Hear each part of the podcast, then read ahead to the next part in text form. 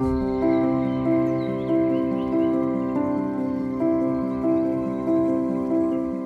här är podden Örtsystrar. En podd om örter och att ta tillvara på naturens skatter. Med mig, Maria Österberg. Och mig, Anna Rosenblom. Hej! Hallå, hallå! Då var det äntligen dags för ett enörtsavsnitt igen. Ett avsnitt där vi djupdyker i en enda ört. Och idag tänkte vi prata om Rosenrot. Yes, som ehm, ja, men vi båda är väldigt förtjust i. Eller ja. hur? Ja, det är vi. Hur, eh, hur eh, använder eller rosenrot, eller berätta, hur använder du rosenrot? Jag använder den, eh, eller första gången jag verkligen började använda den ordentligt det var efter min eh, första covid-infektion. För då hade jag läst eh, att eh, det fanns en teori om att eh, den kunde stötta kroppens syresättning som var ett problem då i samband med covid. Och eh, det tyckte jag fungerade förvånansvärt bra.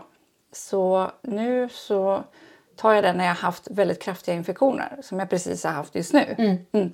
Så jag tar, jag tar rosenrot eh, som en stöttning i en återhämtningsfas efter en infektion. Det är mitt användningsområde. Ja men precis och det är lite samma för mig. För du tipsade om det den gången för några år sedan och jag vet att jag, jag tog eh, rosenrot Eh, efter första vändan av covid som jag hade, när det nu var, jag minns inte längre. Och så sen ehm, hade jag ju där i bakhuvudet nu när jag var dunderförkyld i september. Så då, eh, som jag har nämnt tidigare, så när vi pratade om det förkylningsavsnittet så ja, man klickade jag hem direkt rosenrotstabletter och började ta det och upplevde verkligen ännu starkare den här gången och jag tror att det var för att det här, även om det här var en dunderförkylning så var det inte lika kraftfullt som den gången jag hade covid. För där vill jag minnas att det ändå tog en tre veckor innan jag kände mig som människa igen. Mm. Och här, efter den här infektionen så gick det snabbare men jag märkte verkligen eh, skillnad fort när jag började ta den. Men sen så, så um, märkte jag även av liksom eh, följdeffekter av den. Mm. Eh, dels att jag sov på ett helt annat sätt. Mm. Eh, att jag sov eh, liksom bättre än vanligt. Vilket fick mig att tänka på en diskussion som vi hade i avsnittet om klimakteriet som, Mm. vi, som vi spelade in ja, men i våras. Eh, för jag minns att jag nämnde för dig, för vi satt och pratade om ja, men örter och klimakteriet och att jag hade liksom i bakhuvudet att Rosemary Gladstar har sagt, kanske i någon video i hennes utbildning eller att det står i någon av hennes böcker, att rosenrot är bra för att promota sömnen vid Mm. klimakteriet. Och så minns jag att vi fnissade lite åt det där och sa att ja men det kanske inte är då tar man den kanske inte på kvällen för den är, ja, av adaptogenerna så är den ju inte den man tänker på, tänker som Sömnstöttande. sömninducerande Nej. för att den är ganska, den är ju ändå en Just i det här att den återger oss energi Mm. och att man, man liksom, den ger kraft och att den, liksom, den, den in, intuitivt så känns den som en, liksom en mm, ört som Ja. liksom så här. Och då finns det ju andra som eh, snarare som ashkavanda som vi har varit inne på tidigare. Ja, lite mer traditionella. Som, Så, nej, men som mer liksom som verkligen funkar att ta på kvällen och som varvar ner liksom, och får, stöttar sömnen. Liksom. Eh, Samtidigt som den också ger, ger energi, men på ett mjukare sätt än rosenroten. Eh, och Carmela som driver Örtfabriken tipsade mig om det också när jag köpte reishi tinktur av henne. Att reishi är också en, en adaptogen som anses stötta sömn och att, att hon, hon tyckte att jag skulle testa att ta den på kvällen. Vilket också var ja, men lite som ashkavandan i funktion, liksom, en, en mjuk liksom, eh, knuff till, till sängen. Och jag, tror att, jag tror att vi har rätt i det här att man kanske inte tar den på kvällen. Nej. Men den stöttar sömnen. Och sen så såg jag... Det var så himla kul för under den här perioden som jag tog den och upplevde det här så kom det små liksom informationsnuggets lite här och var. Det var i sociala medier-flödet så såg jag ja, men något inlägg eller bara nå- någon som skrev någonting om rosenrot och hur den höjer, den hjälper till att boosta progesteronnivåerna. Och så sen går det liksom någon dag och så sen så läser jag någonting om hur progesteronnivåerna är viktiga för sömnkvaliteten. Ja. Och det är därför vi, vi, vi eh, det är liksom en av Pusselbitarna i klimakteriet. Ja. Som, är, som har liksom hakat ur. Ja, nej men alltså, precis att det, när vi börjar Börjar vi, det, liksom, det börjar med att vi, vi får fluktuerande hormonnivåer och så påverkar det sömnen. Och när vi inte sover ordentligt så får det en massa följdeffekter. Mm. Den här hjärndimman, det här att inte känna igen sig själv, bli mindre stress eh, tålig. tålig och så vidare och så vidare och så vidare. Så det var väldigt kul tyckte jag att få liksom den där eh, få de där frågetecknen att falla på plats. Eh, och det där med, ja det var nog rätt som Rosemary sa. Att, mm. Så det är ett tips även för dig som är i, i klimakteriet och mm. sover lite dåligt att rosenrot kan vara värt att testa. På morgonen? Eh, precis, på, på morgonen säger Maria snabbt. Eh, men som alltid med örter så är det viktigt att, att läsa på och, och kolla att det liksom ja. funkar ja. Just, just för dig. Ja, eh, rosenrot är ju, alltså det finns en lång tradition av att använda rosenrot. Och, särskilt här i Norden? Ja, för det är här den växer. Mm. Det är lite som chaga som vi har pratat om. Mm. Eller kommer är, att prata om. Ja, fast den är... Eh, rosenroten är ännu mer av en fjällväxt. Ja, det är det. Eh, chagan är lite mer, mer vanlig. För det är inte, vi kan ju odla rosenrot. Eh, jag har ju ett bestånd i min trädgård. Men eh, vilt växer den ju uppe i fjällvärlden. Ja, det gör den. Och den växer verkligen begränsat. Eh, rosenrot eh, är ju... Alltså den är känd som att den, att den är en bra växt. Och det har gjort att den över stora delar av världen är på väg att bli utrotad. Den är mm. väldigt, väldigt hotad för den är överskördad i det vilda. Eh, och jag vet att jag många gånger när jag säger så här, rosenrot ska du köpa odlad. Precis. Eh, och då blir man, för att det finns en liten föreställning om att vildskördad alltid på något vis är bättre. Mm. Eh, I det här fallet är det inte det. Mm. Utan den ska vara liksom förnuftigt odlad. Om man ska köpa den eller om man har den själv. Ja. Men eh, gå absolut inte ut i fjällen och gräva upp den. N nej, precis. Och, och var noga med det här när du köper ditt rosenrotpreparat. För jag vet att det finns en, för jag har gjort det misstaget. Eh, så det finns en, liksom, en svensk försäljare av, av rosenrotpulver som saluför, alltså, och där det står liksom vildskördad. Mm. Eh, som om det skulle vara någonting bra. Ja. Och, ja, men liksom jag har svårt att se att det finns ett, vild, ett vild, vildväxande bestånd som, I den. Som, som kan skördas på så sätt att man kan ta fram pulver och sälja dem på, liksom, jag vet inte vad det här var, flera hundra grams förpackningar. Ja. Eh, och ur det perspektivet så kan man ju också fundera över vilket som är bästa sättet. Om, man, om vi nu vill liksom använda oss av rosenroten för att må bättre så kanske vi också ska välja eh, beredningsform ur ett hållbarhetsperspektiv. Mm. Och kanske, kanske inte ha, liksom, ta det i pulverform, för tar vi det i pulverform så går det åt ganska mycket rot per mm. dos. Mm. Eh, och att tinkturer kan vara ett, liksom, mer ett, hållbart sätt. Ett mer hållbart sätt. Mm. För en tinktur är mer eh, är drygare. Mm. Det gör det liksom mer koncentrerad. Och sen så är min känsla är ju att rosenroten, vi, vi kommer att prata om kägan som också är en adaptogen i ett mm. annat avsnitt.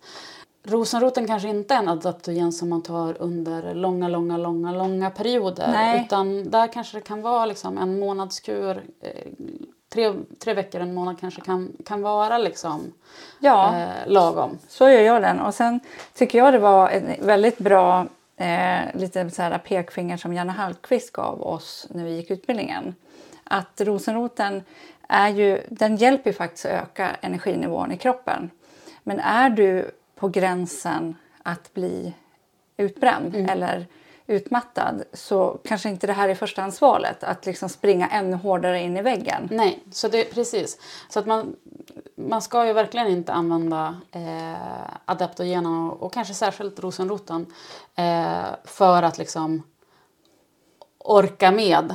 Liksom orka, eh, orka en vecka till. Ja, och där måste man ju vara ärlig mot sig själv. Men sen i det så tycker jag också att det är viktigt att det är en viktig poäng men samtidigt så ska vi inte heller vara nej. avfärda adaptogenerna. Nej, för, att, de, nej, för att, för att när, man, när, man, när man lyfter det eh, så blir många som, som kanske har varit i en utmattning och är på väg ur en utmattning rädda för ja men, ja, men vågar jag ta den? Och just adaptogenerna har väldigt mycket kraft att ge mm. i en rehabiliter re rehabiliteringsfas efter ja. en, en uh, utmattning. Så Eh, men som alltid, liksom, man, man måste tänka efter, man måste liksom göra en bedömning utifrån sig själv och den situation man är i. Men det är viktigt att ha med sig det i Reson- av resonemanget. Ja. Eh, att rosenroten eller någon annan adoptogen får inte bli liksom kryckan som Som, hjäl- som, själv, som får dig att springa in ännu mer liksom Nej. in i... Nej, men det är väl mer liksom att, att vi presenterar skuggsidor och sen så får var och en liksom titta inåt. Vi har gått igenom att den liksom ökar energin. Eh, men, eh, och kroppens motståndskraft mot stress. Eh, jag- en rolig grej som jag läste var att den eh, också hjälper till mot höjdsjuka. Det visste inte jag. Okej. Ja, hö- höjdsjuka är en sån här sjuka som jag, jag vet, har dålig koll på vad det ens är. Det, det är när, när du mår dåligt när du kommer högt upp på ett berg. Okej. Eh, och det är ju för att kroppen inte eh, får tillräckligt med syre. Så här kommer vi tillbaka till eh, rosensrotens förmåga att öka cellernas eh, förmåga att tillgodogöra sig syre. Som är liksom hela... Eh, liksom det är det som gör att den är så bra. Rosenroten, eh, vi har ju pratat om återhämtning, hjärndimma, eh, utbrändhet, klimakteriet. Eh, rosenroten hjälper eh, eh, blodet, eh, eller alltså det ökar eh, blodgenomströmningen i hjärnan. Vilket på så vis såklart ger hjärnan mer syre och förmåga att fungera bättre. Mm. Så det ökar ehm, koncentrations, naturligtvis koncentrationsförmågan vilket också liksom leder till att vi kan prestera bättre. Och det handlar ju inte bara om, om, eh, liksom, om vi sitter och skriver ett prov utan att koncentrationsförmågan är ju väldigt viktig för oss i många aspekter av eh, livet som yrkeschaufför till exempel men också liksom för att kunna göra eh, Vettiga val. Precis. Och vilket är, kan vara extra viktigt i en, liksom, i en stressad eh, livssituation. Att faktiskt välja att göra rätt saker. Mm, mm. Det, det tycker jag du eh, ger en väldigt viktig aspekt. Att eh, det kanske inte i främst handlar om att orka mer på jobbet. Mm. Utan orka vara med dig själv. Mm. Rosenroten, de, kap, eller de tabletter som jag köper med rosenrot, där eh, innehåller det lite svartpeppar. Mm. Eh, och det tycker jag är kul.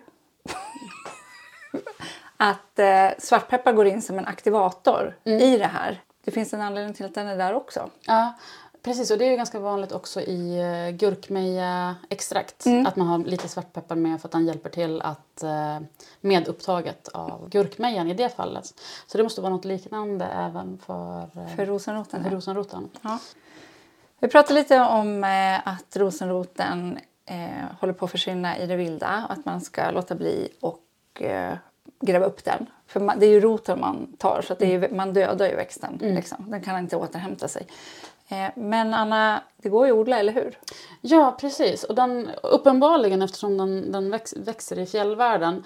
Men den är ju klurig. Du har ju försökt så den. Jag har försökt driva upp från frö och den är eh, lite svårflörtad. Jag har en liten tanig, tanig stackare av en hel påse frön. Som jag är tveksam till att den klarar vintern, men jag gör, hoppas det. Ja.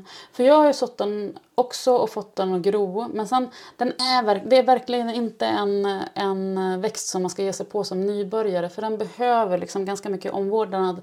Och sen så tror jag också att det handlar om eh, kruxet med att få den att överleva. Är liksom att sätta den i en, i en bra miljö. Ja, för jag tror att den är lite petig med sin omgivning. Alltså, den har specialiserat sig på en viss typ Ja, men en väldigt fjällliknande miljö. Så vill man, vill man lyckas med den så ska man nog läsa på om, eh, om hur den växer i det vilda. Eh, för jag har också fått upp små plantor men det har liksom inte... Jag är ju en ganska slarvig odlare så att liksom, ynkliga växter gör sig icke besvär i min trädgård. Jag har liksom inte energi att hålla på och dutta med. Men jag, eh, för ganska många år sedan nu så trillade jag över en jag menar en back med liksom nedsatta rosenrotplantor på Blomsterlandet som jag förbarmade mig över. Jag köpte dem för typ 10 kronor styck eller någonting. Eh, och så har jag satte jag ner dem i en, ja men, en liten örtrabatt som jag har i anslutning till mitt växthus. Och det var nog ganska bra det var ett bra drag för att det här är en yta som är eh, hyfsat väldränerad. Mm. Ja. Nu vet vi inte efter den här, den här säsongen som var i fjol med så himla mycket fukt. Så vi får se om de, de eh, överlever vintern. Eh, nej men jag tror att den, den är väldränerad eh, och den är ganska stenig så de har ganska grunt med jord. Mm. Och sen så är det liksom grus av olika liksom, Tjocklek. tjocklek för att det är en yta där vi har liksom fyllt upp i samband med att vi byggde växthuset. Så de växer ju och frodas och är jätte, jättefina. Mm. Eh, Ja, för det är väl ändå en ganska så klassisk trädgårdsväxt från förr i stenpartier. Liksom. Mm. För den är ju fetbladig och inte så och liksom ganska yvig. Och sen så, sen så är det ju så att den, den eh, i och med att den har liksom eh, utrotats så, på vissa ställen eller håller på så finns det ju storskaliga odlingar. Och jag kollade på en jätteintressant Youtube-film hos ett amerikanskt eh, jordbrukarpar som alltså odlar det var en hel åker med rosenrotsplanter. Eh, och där de då skulle skörda. Så då tar de, de tar upp hela planter när de är några år. Och så sen så eh, återplanterar de rötterna. Så de bryter ju av en del av rotstocken och stoppar ner igen. Ja. Eh, så ur det perspektivet så kan man ju, som, och det gäller ju också eh, även i våra små trädgårdar, att eh, vi säger ju ofta det att när vi tar, skördar en rot då, då dödar vi den här plantan. Men som nu i somras när jag skördade echinacea så, och tog min stora fina treåriga så eh, loss, så liksom skakar jag av jorden först och så sen så börjar jag liksom lossa liksom skälkarna och då blir det, kollar man noga då ser man liksom var de nya rotskotten sitter. Ja. Så de liksom trocklar jag loss och så omplanterar jag dem. Så från den så blev det ju fyra nya planter som jag är rätt säker kommer att... För jag krukade upp dem i slutet av augusti och sen eh, jordslår jag dem att jag stoppar ner krukorna i jorden. Eh, Så de tror jag att de kommer komma igen. Och på samma sätt eh, gör jag med eh, rosenroten. Eh, Du så har jag, tagit från din egen, jag ska göra... Eller, säger jag. Mm. Eh, ja, jag skördade eh, två av dem för första gången eh, nu i, i höstas. Men sparade då rotbitar och åter, eh, satt, precis samma sätt satte i kruka och sen ner i, i jorden. Men vad Så får spännande vi att se se. om de, om de tar sig. Ja, verkligen. Eh, Men jag tror liksom, min känsla av det är att det är just liksom, när man frösår dem. Jag tror inte att liksom, frösådd är deras liksom, primära föröknings Nej, eh, ty- sätt utan att i naturen så är, förökar de sig via rötter. Ja, för ser man på en planta så ser man ju att nya skott kommer upp längs liksom, Ja. rottrådar. Ja, eh, och precis som andra liksom, örter som är svåra att föröka med, med frö så ja, men det är svårt och det är svårt att liksom få, dem, få dem att överleva första vintern och sen Mm. liksom växa till eh, vidare. Så eh, jag tror rotskott är the way to go. Jag håller med. Jag Med, håller med. med rosorna. Jag har som sagt ingen ännu. Mm. Eller jo, jag har faktiskt. Jag, jag fick en från eh, våran för detta örtfröken Ida. Mm. Eh, ett, ett rotskott i det. Mm. Eh, och den eh, sitter faktiskt i växthuset för säkerhets skull. Men hennes, var kom den ifrån? Hade hon dragit upp den från frö eller? Undrar om inte det är ett rotskott från, från Biskopsarne. Biskop- Ja. Det skulle vara jätteintressant att veta om de har lyckats så den från frö på Biskopsarne. ja, jag får nästan fråga dem. Ja. Men eh, sammanfattningsvis om rosenrot så tycker vi det är en eh, toppen, eh, toppenväxt i vissa, alltså till där den är toppen helt enkelt. Ja, och det är liksom en, eh, en av våra lokala adaptogener och väl värd att, att prova. Ja. För, och jag tänker särskilt för, eh, på det sättet som vi har testat den för att liksom eh, komma tillbaka efter en infektion. Eh, och det kan ju också vara om man har, liksom, har här, lite mer oförklarade tillstånd av, av trötthet. Ja. Eh, att det kan ha en närstående som har liksom utretts för eh, ja, men avmagring, trötthet och de hittar liksom Nej. ingenting. Eh, där jag har liksom föreslagit att man testar rosenrot för att det är verkligen en, en ört som kan, kan hjälpa just, just med det. Och som alltid så är det klart att har, har, man, har man en oförklarad trötthet och en avmagring så ska man gå till sjukvården. Men får, när man inte hittar någonting så Nej. kan det vara värt att testa rosenrot. Ja. Eh, med det så eh, säger vi tack för idag. Tack för idag! Hej då!